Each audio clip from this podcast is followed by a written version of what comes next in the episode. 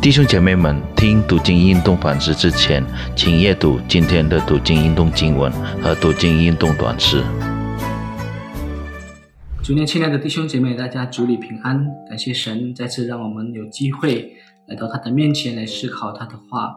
今天是十一月二十二号，今早的经文取自于诗帖记第三和第四章，请大家私底下可以仔细的阅读这段经文。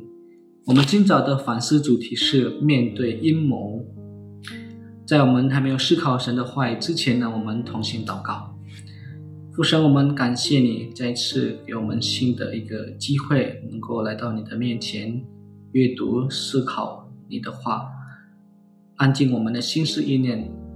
圣灵，求你开启我们的心窍，让我们能够明白。我们以一颗渴慕谦卑、受教的心来到你面前，寻求你的旨意。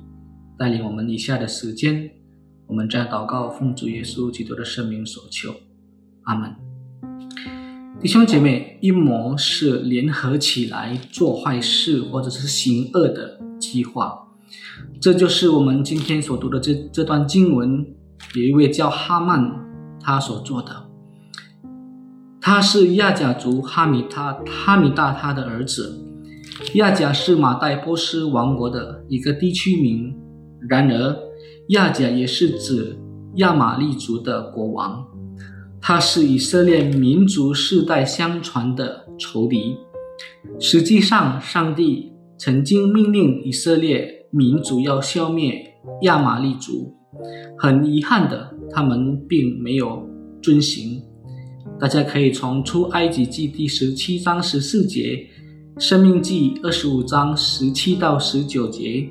以及萨姆尔记上十五章二到九节去看这段经文。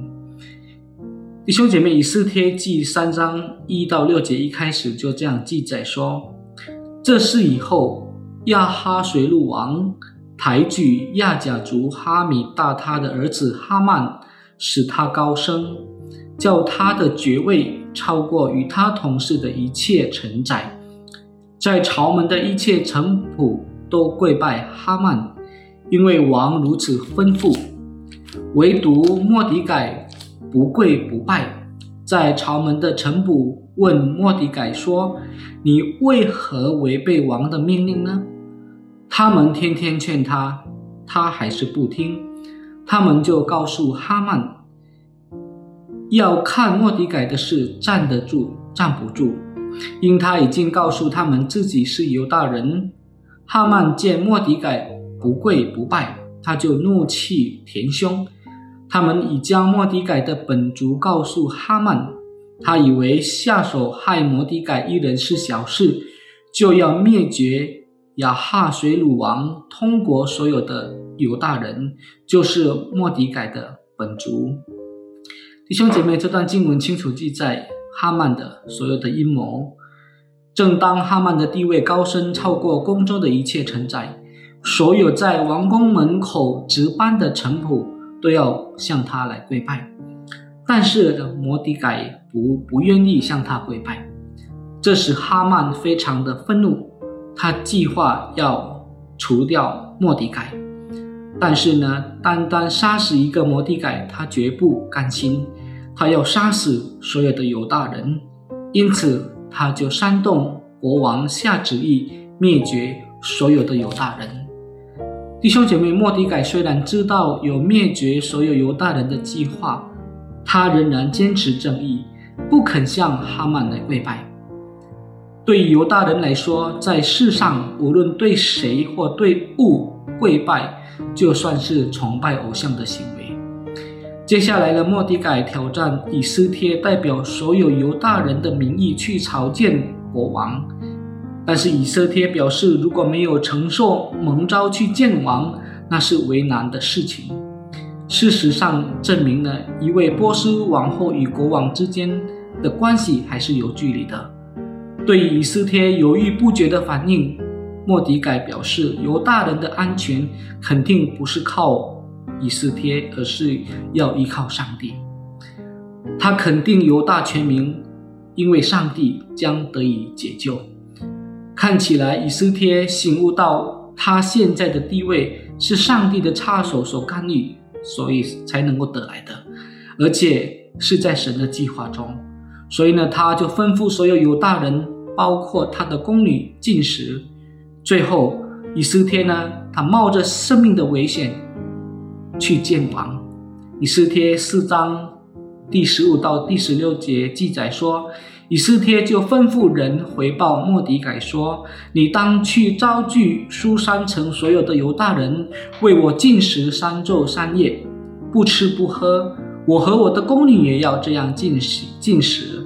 然后我唯力进去见王。我若死，就死。”弟兄姐妹，很多人害怕而犹豫不决的在众人面前表明他的信仰。我们一般会采取。沉默或随波逐流的这个心态，你愿意模仿摩底改的态度，勇敢的反抗阴谋，模仿以斯帖，敢于面对死亡的风险，请相信并肯定上帝的帮助，不要对人类抱着希望，那就是使我们能站立得稳的能力。撒迦利亚书第四章第六节说：“万军之耶和华说。”不是依靠势力，不是依靠才能，乃是依靠神的灵，方能成事。让我们同心祷告，天父，我们感谢你，今早再次用你的话语来提醒我们，在我们面对人生的生活当中，面对周遭的环境，我们要勇敢的表明我们的信仰。当我们面对逼迫、面对威胁的时候，我们敢着冒着生命的危险。来坚持持守我们的信仰，让我们用我们的生命，我们坚定的信仰能够荣耀你的圣名，帮助我们拥有像摩底改以及以色列的这种坚定的信心，在面对危险的时刻，他们绝不退缩，绝不放弃他们对你的信仰，保守我们在面对这个邪恶的时代，让我们忠心到底的来持守我们对你的信心。我们把我们的生命完全的交托，求神你继续带领我们，赦免我们一切的过犯。我们将祷告祈求，奉靠我主耶稣基督的圣名所求，阿门。谢谢大家，再见。